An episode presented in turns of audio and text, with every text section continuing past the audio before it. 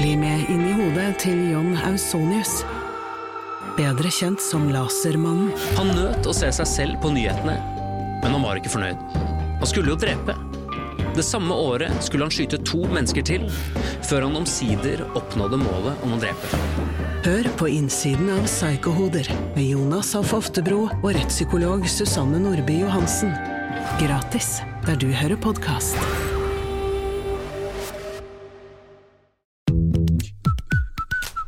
Og velkommen til Femihelse, en podkast om kvinnehelse fra A til Å. Og jeg heter Helene, Og jeg heter Sigrun. og vi har startet denne podkasten fordi vi mener at det bør snakkes mye mer om kvinnehelse. Så la oss snakke. Hello! Hello, Sigrun. Vet du en ting som gjør meg så glad? Nei. Er at folk fortsetter å sende oss updates på menn som trener i jeans. Ja, Men vet du hva jeg lå og tenkte på her en kveld jeg skulle sove? Nei. Jeg begynte å le høyt for meg selv. Hvordan du innså i denne episoden at du har også blitt en jeanstrener. Da du begynte å snakke så varmt om det å gå på liksom ordentlig fottur i jeans, og så midt i så så du bare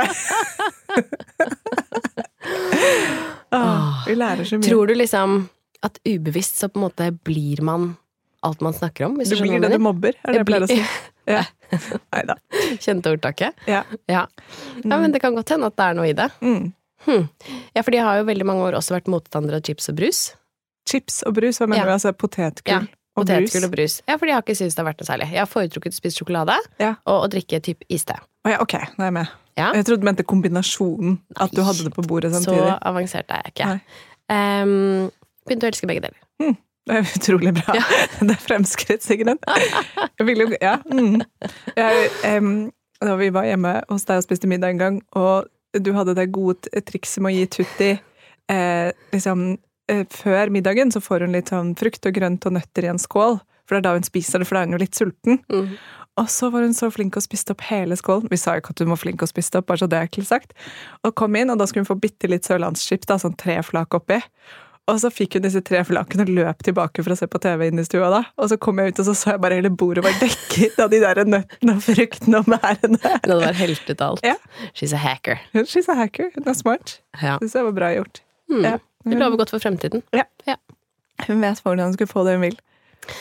Um, men i dag skal vi jo på en måte snakke om frukt og nøtter og sørlandschips. Ja, vi skal Ja, det. I overført betydning. Vi skal jo snakke om tarmflora og tarmbakterier. Og Ja. jeg har gledet meg sånn til å spille denne episoden her. Og det som er kult, er at eh, dere også gleder dere, Ja. som hører på. Fordi vi la ut en spørsmålspoll tidligere i dag, og dere bare boom! Mm. Megainteresse. Ja, og det er en ø, episode vi har ø, lengtet etter å spille inn i fire år. Som vi ikke har liksom landet noe særlig på. Vi har jo spilt inn om IBS, da, hvor vi har vært innom dette. Som, jo, som du også kan høre på da, hvis du er interessert i mer om temaet. Men øhm, Og jeg føler at det har skjedd så sinnssykt mye på dette feltet de siste årene.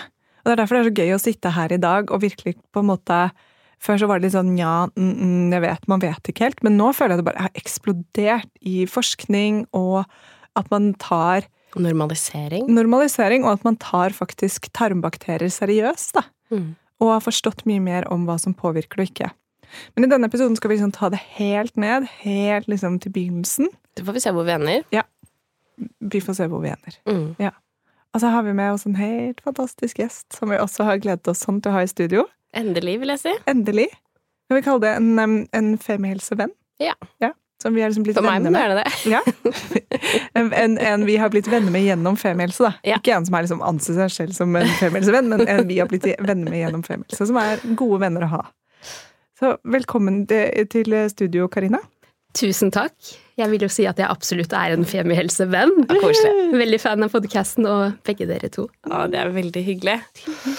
Kan ikke du begynne, Karina, med å introdusere deg selv? Hva heter du, hva driver du med, og hvordan begynte du med det? Eh, Navnet mitt er Karina Saunders. Jeg er barnelege. Og så har jeg drevet med forskning i flere år. Jeg holder på med en doktorgrad og skriver avhandlingen nå. Og det jeg har forsket på, er jo eh, mye av forskningen min eh, dreier seg om tarmflora, tarmmikrober eller tarmbakterier. Det er jo mange måter man kan si det på. Um, og jeg har jo hatt et stort interesse i tarmen i mange år, helt fra jeg slutta med medisinstudiet. så type ti år, um, og visste at dette her er noe jeg ville være med på å forske på. Det er et veldig hot forskningsfelt, veldig mye vi ikke visste før, som vi oppdager nå. Uh, så det er veldig gøy å være med på et litt sånn banebrytende forskningsfelt, um, som på en måte redefinere hvordan vi ser på oss selv og kroppen vår og helse. Um, så dette her er, ja, veldig spennende felt. Jeg gleder meg til å snakke mer om det. Ja, virkelig. Og det er så, bare det du sier med at man liksom redefinerer hvordan vi ser på kroppen vår, det føler jeg virkelig forskning på mage og tarm gjør. Mm. At det på en måte før Ja, vi kommer, tilbake, vi kommer tilbake til mer på det, men kanskje vi kan begynne helt på starten, da. Hva er tarmbakterier eller tarmflora? Hva Mm. er det for noe? Altså tarmflora, eller tarmmikrobiota, eller tarmmikrobiom er et annet ord. Det er på en måte eh, sammensetningen av mikrober, vil si bakterier, sopp, virus, eh, protozoer, alger osv., som bor i eh, kroppen vår, og særlig i tarmen vår. Og det vi vet mest om, det er veldig mye vi ikke vet, fordi dette er et veldig nytt forskningsfelt, men det vi vet mest om, er tarmbakteriene. Um, og man har funnet ut av at tarmbakteriene våre er kjempeviktige for helsa vår. Før så var det jo, eller det er jo fortsatt sånn at noen som lytter kanskje tenker æsj, bakterier, det er noe ekkelt, det er noe vi ikke vil ha, det er noe vi må kvitte oss med. Men uh, det er kjempeviktig, og det er kanskje noe av det viktigste å få med seg her, er at bakterier er viktig, de aller fleste bakterier, og vi består av trillioner av bakterier. De fleste er viktige er gode. Eh, og vi må liksom dyrke disse gode bakteriene som bor i kroppen vår. Mm. Mm. Og det, men hva er funksjonen til disse bakteriene, da? Hva gjør de? Mm. Um, altså, for å utdype litt mer, så er det sånn at kroppen vår, både inni kroppen vår og på kroppen vår, så er vi, vi er dekket med mikrober eller bakterier. Den bor på huden vår, i skjeden vår, i lungene våre. Men eh, mesteparten er i tarmen, og særlig i nedre del av tarmen. Tarmen vår er ni meter lang. Det er et kjempelangt eh, organ som strekker seg fra munnen helt eh, ned til der bæsjen kommer ut. Det er så sprøtt. Ja, det er sprøtt. Og inni den tarmen så har vi utrolig mange mikrober og bakterier. De er så små at vi kan jo ikke se dem, man trenger mikroskop, men til sammen så veier disse bakteriene mer enn hjernen vår. Eh, Så det er jo eh, blitt litt sånn at man ser på tarmmikrobiota nesten som et eget organ, eh, fordi det er så viktig. Og hva gjør dem? De fleste bor i tykktarmen vår. Og de har forskjellige funksjoner. Én, og det har vi visst litt lenger, er at de er med på fordøyelsen vår.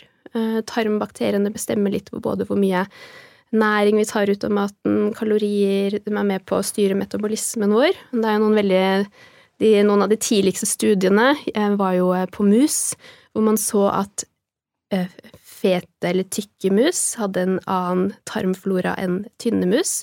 Så har man da prøvd å sette tarmfloraen eller tarmmikrobiota fra den tynne musen i en tykk mus, og sett at dem på samme kosthold går ned i vekt, og motsatt.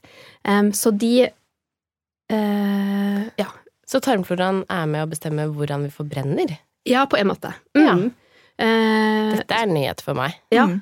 ikke sant? Så det, er jo det, det forandrer jo litt også på hvordan man ser på overvekt, for eksempel. Det er mange som sliter med overvekt. Så har det alltid vært sånne enkle beskjeder. Ja, du må bare spise mindre, ta inn mindre, mindre kalorier, forbrenne mer. Men det viser seg å være utrolig mye mer komplekst. Eh, og det er kanskje årsaken til at noen bare sliter mer enn andre også med å gå ned i vekt. Fordi det kan rett og slett være tarmfloraen som eh, har, en, har noe å si. Mm. Eh, Så det er det ene. Eh, produserer også vitaminer. Eh, Og en annen funksjon som er veldig viktig, er at altså immunforsvaret vårt Mye av vårt immunforsvar, såpass mye som 70% sitter i tarmen vår.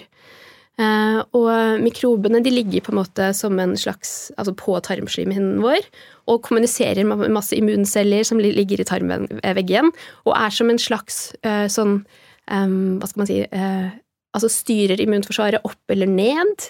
Eh, Og man har jo sett en eksplosjon av mange sykdommer som autoimmune sykdommer, tarmsykdommer, eh, sykdommer som kreft og andre ting, hvor immunforsvaret er eh, har veldig mye å si, da. Så disse bakteriene de på en måte kan skru immunforsvaret opp og ned. Og en tredje viktig ting som de gjør, er at de produserer mange viktige stoffer som kan nå også andre steder i kroppen, ikke bare i tarmen. Og disse stoffene gjør at man på en måte har mindre inflammasjon eller betennelse, så det motvirker betennelse i kroppen. Og vi vet at mange sykdommer um, er liksom koblet mot en inflammasjon, da, så de vil på en måte kunne forebygge mange forskjellige sykdommer. Mm. Den gode nyheten er at man kan mer om dette og vet mer om dette, og den dårlige nyheten er at vi må spise sunt. ja, fordi det var det jeg satt og lurte på. Sånn, er vi født med en tarmflora Ja. og har den med oss på en måte resten av livet, eller er det noe som utvikler seg? Det er et kjempegodt spørsmål. Um, det er noe som utvikler seg. Men forskningen viser helt klart at de første par leveårene er nesten de viktigste. For eh, mikrobiomet vårt, eller mikrobiotaen vår, er jo som et slags fingeravtrykk. Vi som sitter her, har en forskjellig tarmmikrobiota. Eh, Og det er mye gjennom et liv som påvirker det, men særlig starten i livet er viktig. Eh, Og her er det blant annet hvordan man blir født når man er i mors livmor, altså i, i svangerskap Eller ja, i, før man er født, så har man nok mest sannsynlig ikke mange bakterier i kroppen. Og i det et barn, eh, barn liksom baner seg gjennom en eh, skjeden, og så kommer i kontakt også med tarmbakterier fra mors avføring, så vil disse bakteriene, altså både vaginalbakterier og tarmbakterier fra mor, være de første som tar bolig i barnets tarm. Um, og så er det andre ting som morsmelk, uh, som er veldig viktig. Um, og forskningen viser også at når barn begynner å spise fast føde, det er et veldig viktig tidspunkt, eh, som gir store endringer i tarmfloraen. Så vi er født med et veldig sånn umoden tarmflora, som utvikler seg drastisk, i hvert fall første leveår og de første par leveårene. Og så har man nok mye av den tarmfloraen blir ganske stabil gjennom et helt liv. Men det er jo selvfølgelig ting senere i livet også som eh, har noe å si. Eh, særlig hvor man bor, eh, hvor aktiv man er, hvor mye stress man har, og ting som medisiner og antibiotika påvirker mye. Og det som vi kanskje kommer inn på mer, er jo hva vi spiser. Det er det som vil ha størst effekt gjennom et liv. Men da kvinner som føder gjennom magen, altså med keiserfødsel eh, Jeg har hørt at man kan ta f.eks. en tampong fra skjeden eller en klut og trekke på liksom over anus og skjeden Mm. og gni over ansiktet til babyen, til og med opp i ganen, Mm. for å prøve å overføre. Men så har jeg også hørt at den forskningen viser at det kanskje ikke funker. Eller vet du noe om det? Ja, Dette er også noe veldig spennende. Jeg har jo gjort det med mine to, som eh, ble født med keisersnitt, som ikke var planlagt. Eh, Og jeg som er sånn litt mikrobiotaforsker, eh, var jo selvfølgelig litt skuffet da det skjedde. Men, og den forskningen som er rundt det, er veldig spennende. Siden det fortsatt er et veldig nytt forskningsfelt, så finnes det dessverre ikke store langtidsstudier enda, men de er på vei. Så jeg tror nok vi vil vite veldig mye mer om noen år. Men de måte pilotstudiene som har blitt gjort på dette her, viste at de barna som da um, fikk, som du sier, denne kluten med vaginale bakterier fra mor på hud og gane og rundt omkring, de, de hadde mer lik mikrobiota tidlig i livet enn de som ikke fikk eh, utført det. Så jeg mener, jeg tror jo at det er veldig mye som tyder på at dette kan være framtiden, men for at ting skal liksom bli liksom mainstream og tatt opp i retningslinjer, så trenger man store data, og det er det man venter på. Spennende. Men da burde jo du AB-testet barna dine, da, Karina. Hva sa du? Da burde du AB-testet barna Ja. dine, siden du har to her, ikke sant? så hadde du hatt forskningsgrunnlag selv. For jeg mener sånn, når du da eh, Hvis du blir født eh, med keiserfødsel da, og, og vokser opp, så vil jo moren din eh, kanskje ha litt dårlig tid etter at hun har vært på do en gang og ikke vasket hender. ikke sant? Det er sånn, det, dere vil jo dele bakterieflora Mm. uansett, så det, det store spørsmålet er kanskje hvor mye akkurat liksom, Mm. de sekundene nærmest, eller kanskje minuttene, hvor Mm. babyen er akkurat ytterst og på vei ut av skjeden. Så Mm. hvor viktig de minuttene Mm. er, da. Og det, vi kan jo ikke si i hvor stor grad. Mye av de studiene vi har som ser på både sykdomsrisiko, og sett på at barn som er født med keisersnitt har større risiko for astma, overvekt osv. Det er jo ikke sikkert at det er de mikrobene, ikke sant? for vi har ikke sånne type studier som med, altså viser sånn årsakssammenheng, helt klart. Så det, her er det mye vi ikke vet. Jeg tror det som er viktig, er hvis man har født på den måten at man ikke ah, går og tenker ok, nå, nå er det liksom løpet er kjørt. Eh, men, for det er mye vi ikke vet. Det er masse vi ikke vet, og, for å ta den fra en annen side, så har jo og kan man, altså Arver man morens uansett? Altså morens mikrober eller mikrobiom? Eh, Det er jo en viss grad sånn at det er jo eh, ofte mange av de samme type bakteriene barn får overført, og det som er veldig spennende, er at mikrobiotaen i svangerskapet endrer seg. Det er akkurat som om kroppen på en måte designer en bakteriecocktail som barnet skal få med seg. Eh, så man ser f.eks. i slutten av svangerskapet, i tredje trimester, så blir um, tarmfloraen i alle kvinner mer lik. Og som mer faktisk ligner på en tarmflora til en overvektig person. Det er litt for å på en måte ta opp masse næringsstoffer og mest mulig kalorier og nærstoffer fra mat. Og det er sikkert andre funksjoner også, men altså kroppen på en måte eh, endrer tarmfloraen for å kunne gi den til barn. Men det, her er det også veldig mye vi ikke vet. Så en viss grad, ja, vi tar bakteriene fra mor eh, med oss. Og det som er litt bekymringsfullt, er jo at man annet har sett at over generasjoner så har vi i vår vestlige verden tapt mange viktige bakterier.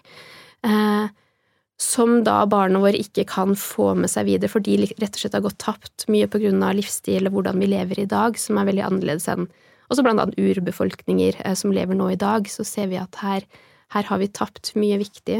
Eh, så ja. Mm. Ble det Det men fint, det. Jeg, Mm. det jeg liksom tenkte på, er sånn eh, et, Jeg som har hatt mye problemer med magen Fikk jeg sagt det i denne episoden også? Det er bare aldri en femmilsepisode uten at jeg får nevnt det eller PMS-ene. Jeg bare venter på øyeblikket. Det var lett i denne episoden, da. Men da har jeg ofte tenkt sånn, hvis jeg skulle blitt gravid, da, så har jeg tenkt sånn åh, stakkars det barnet som må arve min IBS-mage. Eller sånn som må arve Ja. Hvis jeg har en dårlig Selv om jeg prøver jo så godt jeg kan da, å bygge Mm. opp og gjøre alt Mm. som er riktig, Mm. så spiser jeg jo sukker og koser meg og er dårlig i magen til tider, liksom. Mm. Det er sånn Så det er jo Ja. Um, og det er et godt spørsmål, og det vet vi nok også litt lite om. Likevel, selv om du kanskje har en Eller hvis du selv sier det sånn, en, la oss si en uh, som ikke er helt frisk, så vil jo barnet likevel få med seg mye av det gode. Uh, og likevel, uansett så vil det nok være bedre for deg å planlegge da en vaginal fødsel enn å si jeg ønsker keisersnittfødsel for barnet ikke skal få tarmfloraen min. Um, så det Ja. Her er det mye vi ikke vet, men det er såpass mye viktig og bra i din tarmflora som babyen din også vil. Mm. Og jeg Sånn, føler som man kan finne ut noe sånn magisk om noen år, sånn at tarmfloraen kommer ut gjennom liksom, melken, eller at man puster den ut, eller at den kommer gjennom spytt, eller sånn. Det er sikkert noe som er helt sånn derre Hæ? Som Ja. vi kommer til å finne ut av. Jeg bare Ja. kaster ut det. Forsk på dette noen. Nei da. Ja, men man har jo, altså Siden du nevner melk, så har man jo sett at mors, eh, morsmelk i studier, altså eh, studier har vist at morsmelk også inneholder en egen mikrobiota. Altså det er bakterier i morsmelk eh, som kommer på en eller annen måte fra tarmen inn i morsmelk. Det er ikke fra huden eller noe sånt. Og vet, altså forskere vet ikke hvordan det går an, at tarmbakteriene går inn i morsmelk. Um, men det er også for å liksom gi Det er en slags probiotika da, som kroppen lager selv eh, for barnet. Uh, og det, det er også veldig, veldig spennende. Ja, det er megaspennende. Men nå har vi begynt å snakke om en del ting, eller du har nevnt flere ganger at det er flere ting som påvirker tarmprogrammet vår. Mm. Skal vi begynne å snakke litt om hvordan vi kan påvirke den? Mm. Um, kanskje begynne fra barna er små, eller fra vi er små og til vi er voksne. Mm. Um, og begynne med eh, Begynne med hva er det viktigste å tenke på når vi har små barn som vi skal begynne å, å gi fast føde for å ja, prøve å påvirke en god tarmflora? Og her er vi nødt til å snakke om kosthold. Eh, For eh, kosthold er nok den tingen gjennom et liv som påvirker tarmfloraen mest, og særlig tidlig i livet.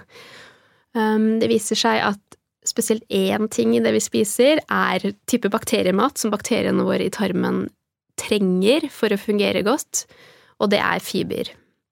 Eh, Fiber har man jo før egentlig sett på som en nesten sånn ubetydelig del av maten, som ikke blir fordøyd i tynntarmen, og bare skilles ut. Og så har denne nyere forskningen vist at eh, det er fiber som når tykktarmen, og så blir fordøyd eh, av tarmmikrober som bor der. Um, og hvis tarmmikrobene våre ikke har tilstrekkelig med fiber eller fibermangfold, så kan man kanskje få en ubalanse i tarmbakterier. Så for å på en måte dyrke opp en god og sunn tarmflora, så er det viktig at vi ser på det vi spiser, at vi spiser nok fiber, men også spiser et mangfold av fiber. Og fiber finner vi typisk i for eksempel Det er alt av planter. Eh, og det er jo særlig em, korn, kornprodukter som havre, quinoa, bygg, alt som på en måte sånne type ting. Så frukt og grønnsaker, belgvekster, linser, kikkerter, bønner, eh, men også i eh, nøtter og ja, eh, og krydder. Mm. Så det er liksom alt som vokser fra jorda. Vi leste om fiber og amerikanske befolkning hvor altså alle, Mm. nesten Det var, så, det var helt sånn sinnssyke tall på at ingen får i seg nok fiber lenger. Ja. Når vi ser på tall fra USA, så er det skremmende. Ja. Det er type 15 gram fiber eh, på dagen som er gjennomsnittet, som er veldig lite. Vi burde alle få i oss minst 30 gram eh, hver dag. Eh, og vi har jo eh, Altså, det er jo ikke så overraskende at Man har jo tidligere visst at frukt og grønt og sånt det er sunt, ikke sant. Det er med på å er hel, eh, ja, sykdomsforebyggende. eh, men vi har liksom ikke visst om denne mikrobeverdenen vår, og at det er de faktisk som trenger masse forskjellig fiber for å på en måte ha, ja, eh, ha denne Ja, for å hjelpe oss å holde oss friske. Mm. Det er liksom sånn tosidig, da, ikke sant, at man spiste så, når jeg var liten, så For å få i deg vitaminer, så Mm. spiste man frukt og grønt. da, ikke sant? Det var mye C-vitamin i det, Mm. eller sånne ting. og da men så er det jo det er mer, da. Det er liksom det Ja. avfallet også, på en måte. Ja. Nærmest fruktavfallet som er viktig. Ja, det som blir igjen i jusmaskinen. Og derfor så er det ikke det samme å ta en vitamin C-tablett eller ta noe tilskudd. Det vil ikke ha For det er liksom denne pakken frukt og grønnsaker kommer i. ikke sant? Det er så mye mer enn bare et enkelt næringsstoff. Det er hele kombinasjonen, og her er det Kanskje vi snakker mer om det, men det er jo særlig, særlig råvare, råvaremat, eller det å koke, eh, lage mat fra bunn, som er viktig. Eh, og en ting, og spesielt USA, men det er også når man ser her mer og mer i Norge, at vi spiser utrolig mye ultraprosessert mat. Type ferdigmat, eh, godteri, chips, kjeks, ferdig frokostblandinger. Mye enkle løsninger som er med på å utrydde disse viktige tarmbakteriene. Som da igjen henger sammen med økningen av mange eh, sykdommer vi ser i dag. Altså, det er ikke bare det at det ikke gir oss noe positivt, men det tar faktisk bort Mm. tarmbakterier. Eh, altså det, jeg, jeg er jo også en person som jeg kan sitte ikke sant, og kose meg på kvelden med godteri og sånn, så jeg vil ikke si at jeg bare spiser sunt. Men eh, det som er farlig, er at hvis vi bare fyller oss med sånn type mat, så blir man jo mett på det, så da får man ikke til å spise all den fiberen og den fibermangfoldet vi burde få i oss. Eh, det kan jo hende at eh, noen av disse ultraprosesserte matvarene i seg selv kan være skadelige. Det er mye vi ikke vet, men de har jo også ofte masse tilsetningsstoffer, emulgeringsstoffer osv. som dyrestudier har begynt å vise kan være skadelige. Eh, Det har vi heller ikke visst før. Men jeg tenker at eh, først og fremst så må man fokusere mindre, mer på hva bør vi spise mer av, istedenfor hva bør vi spise mindre av. Mm. Og det er noe vi har snakket om mange ganger også, at det, eller i hvert fall jeg syns at det er en hyggeligere måte å leve på, da. Mm, mm. Eh, og tenke på at man skal fylle på med positive ting, enn å Ja. nekte seg selv ting. Og, og bare for de som ikke vet, da, bare sånn den, der, den raskeste oppsummeringen av eh, ultraprosessert, prosessert og ikke-prosessert, er vel at ikke-prosessert er sånn rene råvarer som Mm. et stykke fisk, stykke kjøtt, et egg, Mm. grønnsaker. Når det ikke er tilberedt, Mm. og så er det prosessert, som er for eksempel eh, en, Potetmos.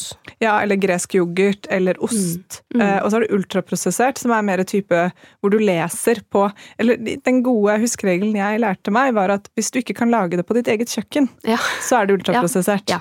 Og hvis du leser bakpå eksempel en, eh, en barneleverpostei, da, så er det Mm. så mye ingredienser i den og tenker at det hadde jeg ikke greid. Men hvis du Mm. googler hvordan du lager leverpostei, Mm. det greier du. Ja, ikke sant. Ja. Det er en fin måte å huske på. Mm. Mm. Mm. Så det det handler om, er kanskje at man lærer mer og mer at alt det vi har puttet i maten for å kunne produsere den raskt, og for at den skal ha lang holdbarhet og smake Og godt, ekstra godt. ja, gjør at det har vi aldri hatt i kroppene våre før moderne tid, før de siste 40 årene. Mm. Og Mm. det ser man kanskje konsekvensen av nå, da. Ja, absolutt. Og det som er litt skummelt, er jo mange av tilsetningsstoffene som eh, er lagt til i sånn type mat. Det er noe vi som på en måte man har fått eh, myndigheter og så videre sagt at det er trygt, fordi forskningen har vist at det er trygt i de og de dosene, men det var før vi visste og hadde kjennskap til vår tarmmikrobiota. Så det er jo ikke studier som på en måte har kommet i etterkant. Er så, for- ja, så de anbefalingene er lagt lenge før vi visste om mikrobiotaen. Eh, og det tenker jeg er jo eh, ja. Mm. Mm. Men hvis vi går litt tilbake til små barn, da. Ja. Når man skal begynne å gi, gi barna mat. Hva tenker du eh, til de som sitter der ute og tenker, er, skal til å begynne med å gi barna mat? Hva, hva er dine hotteste tips til de? Eh, altså, både Jeg kan snakke litt fra egen erfaring, men eh, ja, eh, og det forskningen viser. Det er jo eh, det samme gjelder voksne, men også små barn. At det å på en måte introdusere forskjellige typer fiber eh, er viktig. Så når man eh, også her syns jeg at man må, må utnytte denne første fasen når barna er veldig små og er veldig mottagelige for nye smaker og konsistenser. At man på en måte kjører på med forskjellige typer grønnsaker. Og jeg med mine begynte jo Når de begynte å smake på ting, så uh, fikk de på en måte stimet eh, squash eller brokkoli og mange av disse typer bitre smakene og grønnsakene som barn senere ofte ikke liker så godt. Og det er for at uh, ja, at de på en måte skal venne seg til sånne typer smaker, og at man uh, begynner å bare prøve å gi dem forskjellige, mange forskjellige ting. Jeg har jo også lagd mye hjemmelaget grøt istedenfor å bare kjøpe grøt fra sånne ferdigpakker, fordi det rett og slett også kan eh, eksponere da tarmfloraen for mange forskjellige typer kornsorter. Um, Ja, For der er det jo litt sånn uh, ut ifra det eh, det jeg har sett på Instagram, da, så er det jo nettopp det med en sånn ferdigprodusert barnemat at selv om på ingredienslisten så kan det se ganske bra ut, så er det noe med måten det er varmet opp og Mm. produsert som fjerner alle bak Det fjerner ikke bare de dårlige bakteriene, det Ja. fjerner også de gode, ja, som er det- kjipt, da. Mm. Altså jeg, jeg, jeg tenker jo at barnemat kanskje ikke er Det er ikke farlig, og det er ofte økologisk, det er ikke tilsetningsstoffer, konserverings... Eller i hvert fall ikke sånne farlige type ting i.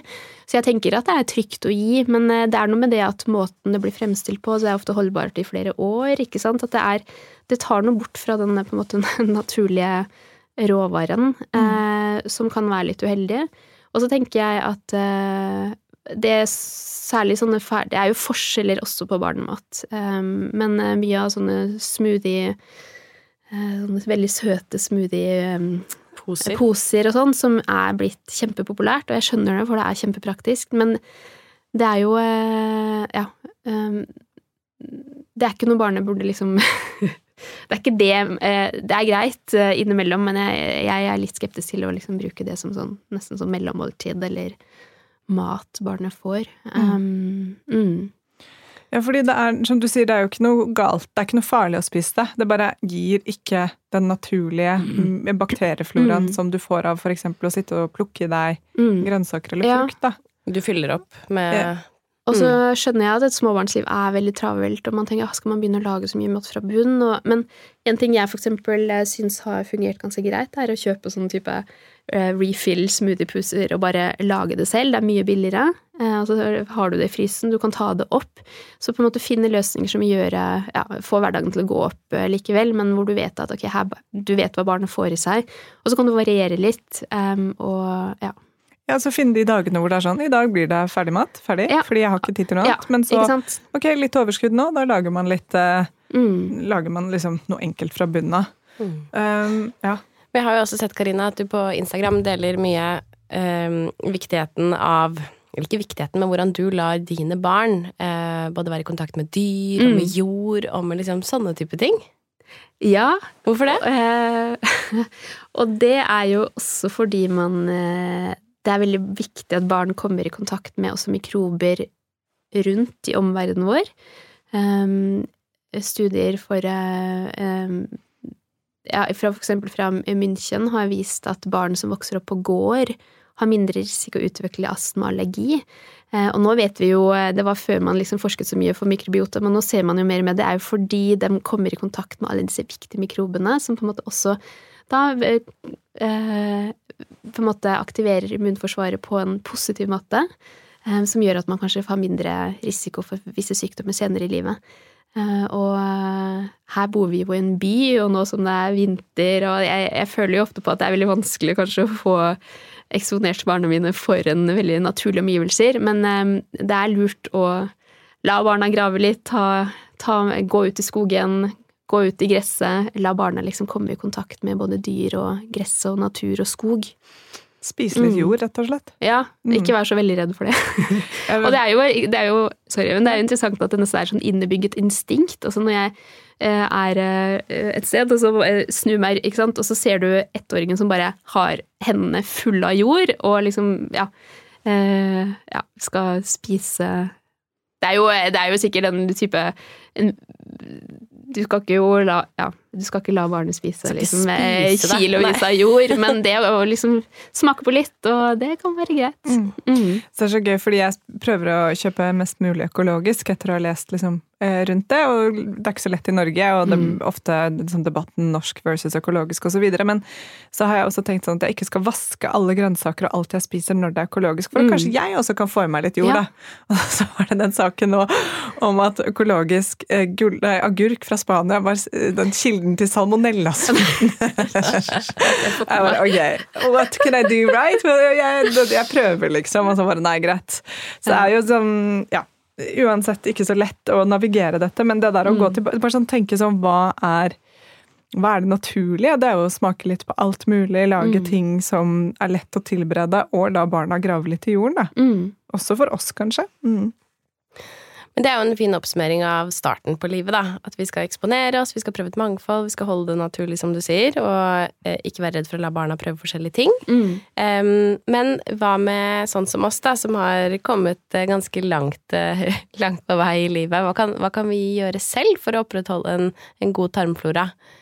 Kan man gjøre noen ting for å forbedre tarmfloraen, for eksempel?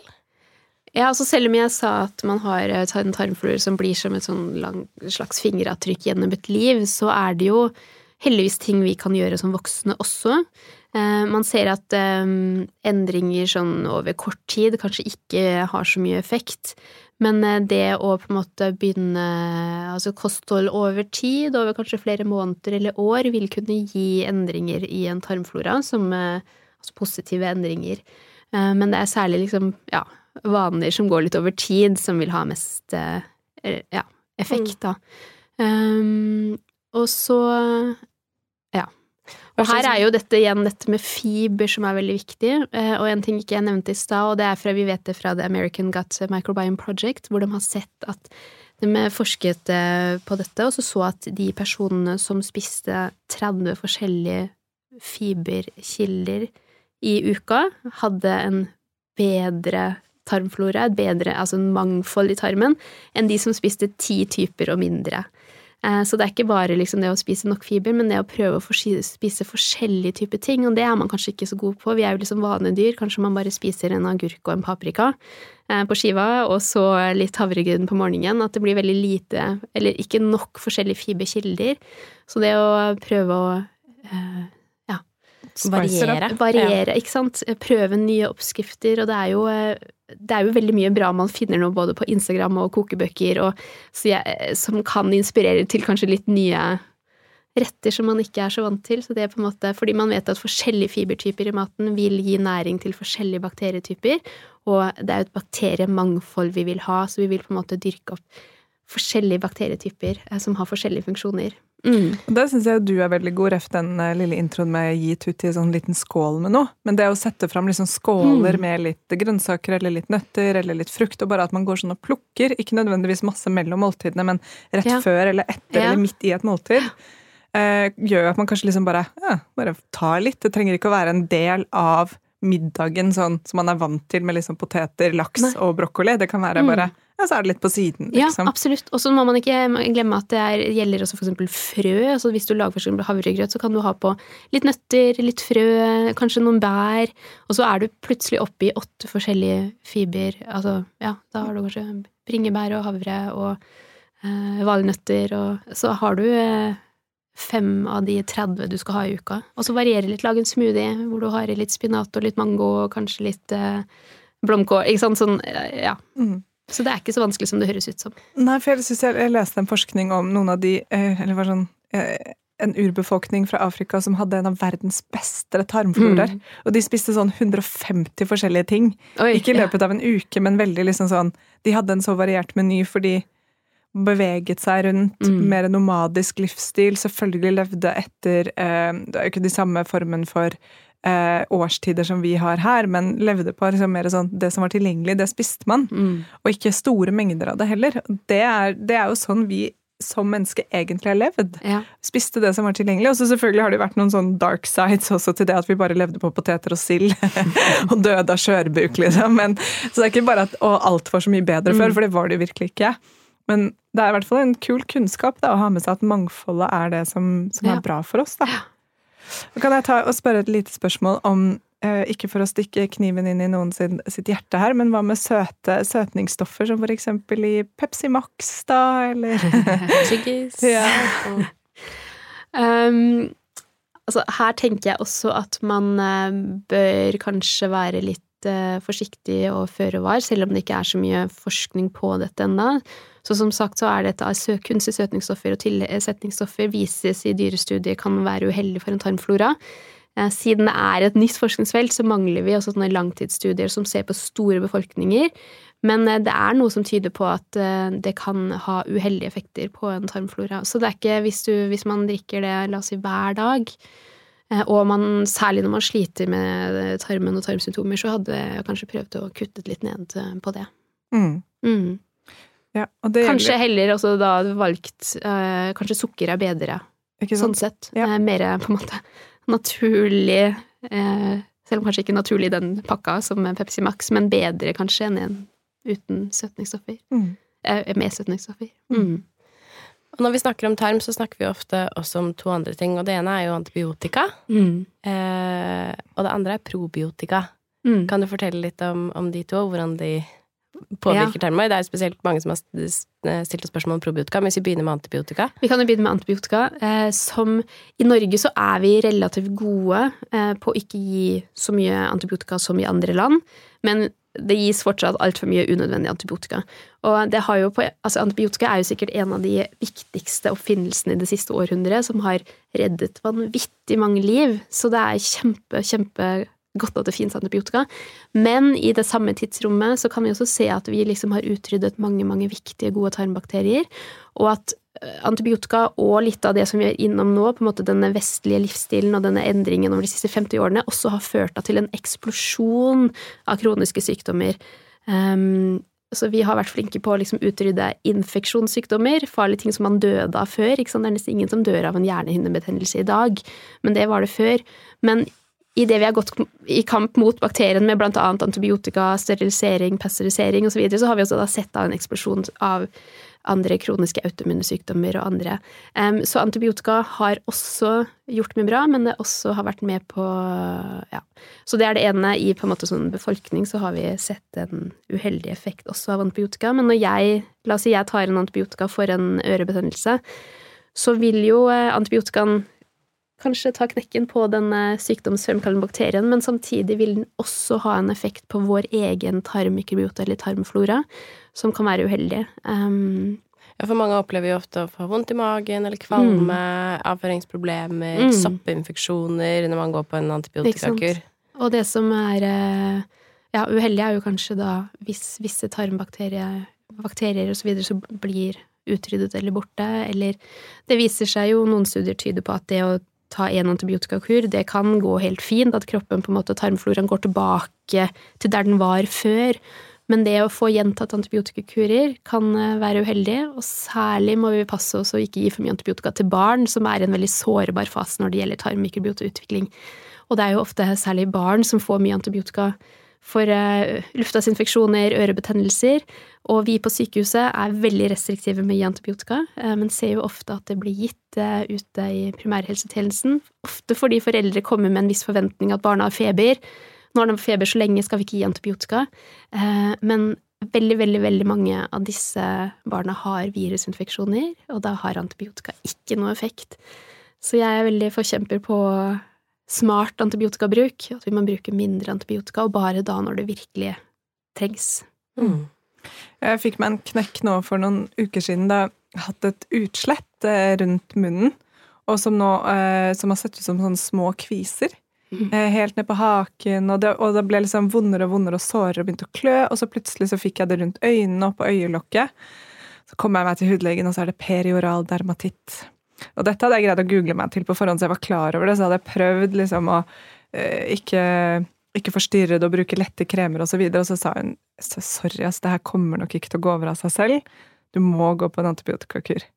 Og den var da Den går jeg på nå. Den er fire uker. Mm. Og jeg fikk helt sånn Jeg gråt da jeg gikk og hentet den ut. For jeg var sånn, jeg følte at jeg har jobbet så bra for å få magen Mm. opp. Og så, jeg, og så, ja. Mm. og så jeg, jeg sov på det og tenkte på det og leste og prøvde å finne ut av liksom, Men det, var, det begynte å bli såpass ubehagelig at jeg var sånn Ok, jeg får gjøre det. Men jeg har da en plan om at nå, mens jeg går på antibiotikakuren, som, så prøver jeg å spise liksom så bra jeg kan. Og at jeg skal gjøre det jeg kan for å hjelpe de gode bakteriene å komme seg opp igjen. da. Mm. Og jeg har ikke hatt noen særlig reaksjon på den heller, men det er jo noen ganger man bare står der og veier, da. ikke Ja. sant? Sånn, skal jeg, ok, skal jeg håpe at dette utslettet går, eller disse aknelignende utslettet går over av seg selv i løpet av det neste halvåret? Eller skal jeg ta denne nå og bli Mm. ferdig med det? Og det var så vanskelig, men jeg bare, magefølelsen min bare sa sånn Nei, nå gjør du dette, så blir du ferdig, Mm. og så håper jeg at det hjelper. Ja, Men det er sånn, Og det var jo ikke engang noe akutt, det var jo ikke noe så farlig, det var bare Det bare spredde seg, også. Mm. ja. Mm. Ja, altså det er veldig viktig. Jeg er jo litt redd for når jeg sier sånne ting om at å, antibiotika har negative eh, altså, eh, effekter, at eh, man også ikke da blir så skeptisk at man nekter å ta antibiotika når det virkelig trengs, eller at foreldre da kommer til nei, mitt barn skal ikke få antibiotika, for av og til så er det nødvendig. Mm. Og så, ja. Og nødvendig er ikke alltid så lett å vite hva Nei. er liksom nødvendig. ikke Mm. sant? Men det er sånn, det begynte å gjøre vondt hver gang jeg kom nær med jakken eller genseren. Mm. ikke sant? Det var sånn der, ah, og så er det ikke noe gøy å, å ha akne. Sånn, Nei. nei. For selvbildet. For meg, i hvert fall. Så ja. Så det, jeg kan, I can feel your pain, alle som hører på når bare åh, nei, jeg må gå på antibiotika annen måned pga. rimesinfeksjon eller hva, ørebetennelse Mm. eller hva det skal være. Mm. Men uh, vi kan jo kanskje snakke litt da, fordi neste blir jo da probiotika. ja. Og hva er, har det en effekt? Hva er det for noe? Først? Ja. Altså, probiotika er jo eh, på en måte enten mat eller tilskudd som har levende bakterier. Mm. Eh, som man da enten ja, spiser eller tar. Um, og så her er Det har jo også blitt en veldig hvert fall i noen land, kanskje mer enn i Norge. Jeg har sett mye på Instagram og ved Amerika og UK, hvor det har blitt en stor trend, og mange influensere som promoterer probiotika. Det har jeg også sett. Eh, og jeg har jo delvis fått reklamer på Instagram fra en sånn, jeg skal ikke si navn, men et eh, probiotika som er veldig populært i blant annet eh, England, som er kjempedyr, som koster type 1000 kroner hver måned, med, som liksom da hevder å ha vanvittige helseeffekter, og da blir promotert fra store influensere. Og det syns jeg er veldig problematisk, fordi kunnskapsgrunnlaget er veldig lite. Det er mange ting vi eh, altså, ikke vet. For det første så har hver av oss en individuell mikrobiota. Hva som virker for meg, det er ikke sikkert det samme virker for deg, fordi vi har en sånn egen eh, sammensetning. Så er det litt sånn at det er ikke alltid kanskje sikkert at probiotikaene faktisk når helt frem der de skal. Um, og så er det ofte da en Ja, rett og slett fordi de dør i magesekken Ja, ja. av magesyren, ikke sant? Absolutt. Ja, Mm. akkurat. Det var fint. Ja. uh, og så er det jo eh, Det er jo visse bakterier som man tilsetter, men vi har jo sånn hundrevis av forskjellige bakterier i tarmen vår. Det er ikke sikkert at den du tar, da, vil ha en enorm helseeffekt. Så jeg, her hadde jeg nok tenkt litt sånn Ok, jeg hadde ikke brukt masse penger eh, på probiotika fordi vi rett og slett ikke vet om det hjelper. Jeg tror ikke det er skadelig. Jeg tror probiotika, som nå snakker jeg om tilskudd, kan bli fremtiden. Men jeg tror jo fremtiden, jeg vet ikke om det er type ti år eller ti år frem i tid, hvor man kanskje kan ta egne Se på egen mikrobiota, vite ok, hva trenger jeg, altså hvor det blir litt mer sånn personalized medisin. Så jeg tror at eh, det kan bli noe vi kommer til å gjøre mer, men jeg hadde ikke anbefalt det. Og studier så langt viser ikke at det har en effekt på en frisk person eller barn. Um, og, men det jeg tenker vi kanskje bør snakke mer om, er probiotisk mat. Uh, og det er type mat som inneholder levende bakterier, som uh, yoghurt eller kimchi eller sauerkraut eller eh, Så fermentert syrene. mat. Kombucha har jo blitt også litt populært. Um, og der, det er en veldig spennende studie som kom ut i fjor, som så på dette i, uh, i to forskjellige um, grupper, og så at de som spiste uh, regelmessig sånn type fermentert mat, de hadde en økt diversitet, det betyr mangfold av bakterier, og det er bra. Um, så før jeg så denne studien her, så var jeg litt sånn, ja, jeg vet ikke hvor mye det har å si, men etter de funnene der var veldig gode, eh, og viser at det kan være lurt også å inkludere liksom type probiotisk mat. Mm. i kostholdet vårt. Men en ting som er veldig bra med å ta probiotisk kosttilskudd, er jo placeboeffekten det kan Ja. ha på en urolig Mm. mage. For hvis du føler at du tar noe Mm. som fikser magen din, så gjør det faktisk det Mm. også. Fordi mage og stress henger veldig sammen, Absolutt. og det påvirker. Og så min helt personlige mening er at så lenge jeg har råd til det, så tenker jeg sånn Ja, vet du hva, jeg tar det. Sånn Mm. som nå, for Mm. eksempel etter den antibiotikakuren. Ja. Så kommer jeg til å gå og kjøpe en sånn boks for 650 kroner, tenker jeg sånn det tar jeg, og Ja. så har det kanskje bitte liten effekt, eller ingen effekt, men Ja. det er i hvert fall ikke farlig. Og det, det tenker jeg, det tenker jeg er eh, Det kan være lurt. Men ehm, det jeg på en måte reagerer litt på, at jeg har hatt folk som har skrevet meg på Instagram som mamma med eh, som sier, Jeg har fått reklame for for denne probiotikaen som jeg nevnte i stad, som er veldig dyr. Eh, og barnet mitt har autisme, jeg har veldig dårlig råd, skal jeg bruke 1000 kroner som jeg egentlig ikke har, på det? Og da sier jeg nei, bruk heller det på å kjøpe frukt og grønnsaker og bær og sånne type ting som vi vet, her er forskningen helt klar, det har effekt. Eh, har man eh, Ja. Mm. Mm. Ikke sant? Så det er bare den derre Ja, det er nettopp det å ikke la seg lure, og ikke Mm. la seg liksom ja, Det er så vanskelig, da. Påvirke påvirket av markedsføring. Ja. Bare ha liksom, men, men er, ja, vi snakket vel litt om det i BC-episoden også, at det er sånn Ja, gjør det hvis du har lyst, og det kan hjelpe litt, Mm. men det er ikke, som du sier da, forskningen er ikke sånn Jo, det er det Mm. mest fantastiske. Mm. Men vi har jo fått inn et lite spørsmål om nettopp det med overføring av tarmbakterier, Ja. som jeg syns er veldig spennende. Mm. Fordi jeg vurderte det en periode, og da var det på Volvat i eh, Oslo, så gjør de det. Og da hadde de en sånn superdonor som var en sånn supersportslig mann, 44 eller noe sånt, som aldri var sjuk, Mm. og som donerte tarmbakterier. Og så ble jeg litt sånn hvis jeg da får donert dette, kommer jeg til å begynne å få sånn sterkt ønske om å gå Birken og, og begynne å trene i, i jeans og bli sånn helt sånn herre jeg, er ikke, jeg, jeg er feminist, men allikevel så Nei, nei. For jeg følte sånn Hvis jeg skulle hatt en donasjon Mm. av tarmbakterier, så hadde jeg jo egentlig hatt et ønske om at det skulle være en kvinne på min alder som på en måte Jeg vet ikke, jeg bare fikk sånn her Burde det ikke være en som ligner på meg? Tenkte jeg, da. Godt spørsmål. Ja. Men vet du noe om dette med overføring av tarmbakterier? Eh, jeg tror ikke at hvis du hadde tatt hans eh, tarmbakterier, at du plutselig hadde blitt eh, superinteressert til å gå Virken. Men eh, Skiftet det er jo legning. ikke, jeg tror nok ikke tarmfloraen har ja, på den måten sammenheng med liksom trekke personlighet og sånt. Men her er det også veldig mye lovende forskning.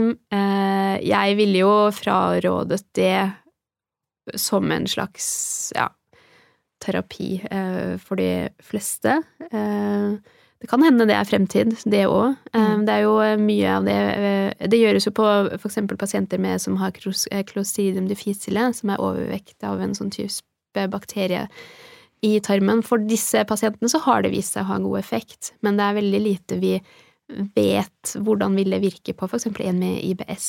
Men jeg tror at det også kan bli noe som kommer til å bli litt mer mainstream Mm. etter hvert. Så hvis de som sitter og lurer på sånn hvordan Det er faktisk en som donerer bæsj, bare hvis man lurer på det. Det er faktisk det som skjer. Så mm. Og så eh, skal vi snart begynne å runde av, men det er et spørsmål her som jeg syns er veldig spennende, og som jeg lurer på om du vet noe om, Karina. Fordi har, eh, her har vi fått inn spørsmål fra en som har endometriose, og som lurer da på hvorfor får vi irritabel tarmsymptomer? Er det maten, eller er det tarmen? Ja, det blir jo litt sånn er det høna eller er det egget? Mm. Eh, og det er heller ikke helt lett å svare på. Det skjønner jeg. Eh, fordi det også sikkert er en kombinasjon av begge to. Eh, irritabel tarmsykdom, det er syndrom, det er jo noe som også har blitt eh, veldig Det er veldig mange som sliter med, flere og flere.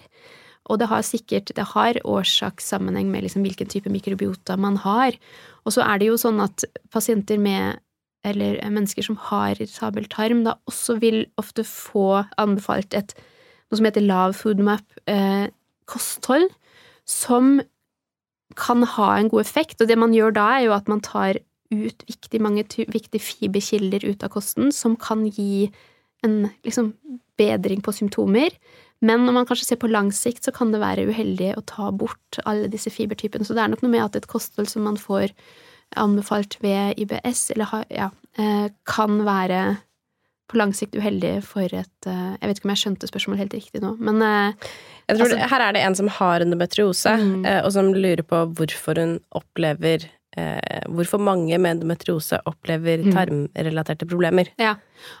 Akkurat endometriose er ikke jeg noe Nei. ekspert på, Og- så jeg skal prøve passe meg ikke å si noe feil. Men sånn generelt, sånn med IBS da, og irritabel tarm, det å eliminere viktige fiberkilder på sikt kan være uheldig, så man bør jobbe og prøve å på en måte introdusere, ta bort det man merker plager en, men prøve å ikke kutte ut for mye fiberkilder.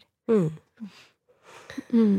Kjempespennende. Altså, vi kan snakke og snakke og snakke om dette. Ja. Eh, Det har kommet inn mange spørsmål. Jeg tror vi har vært gjennom de aller fleste av de. Eh, heldigvis. Det kan hende du må komme tilbake en gang, Karina.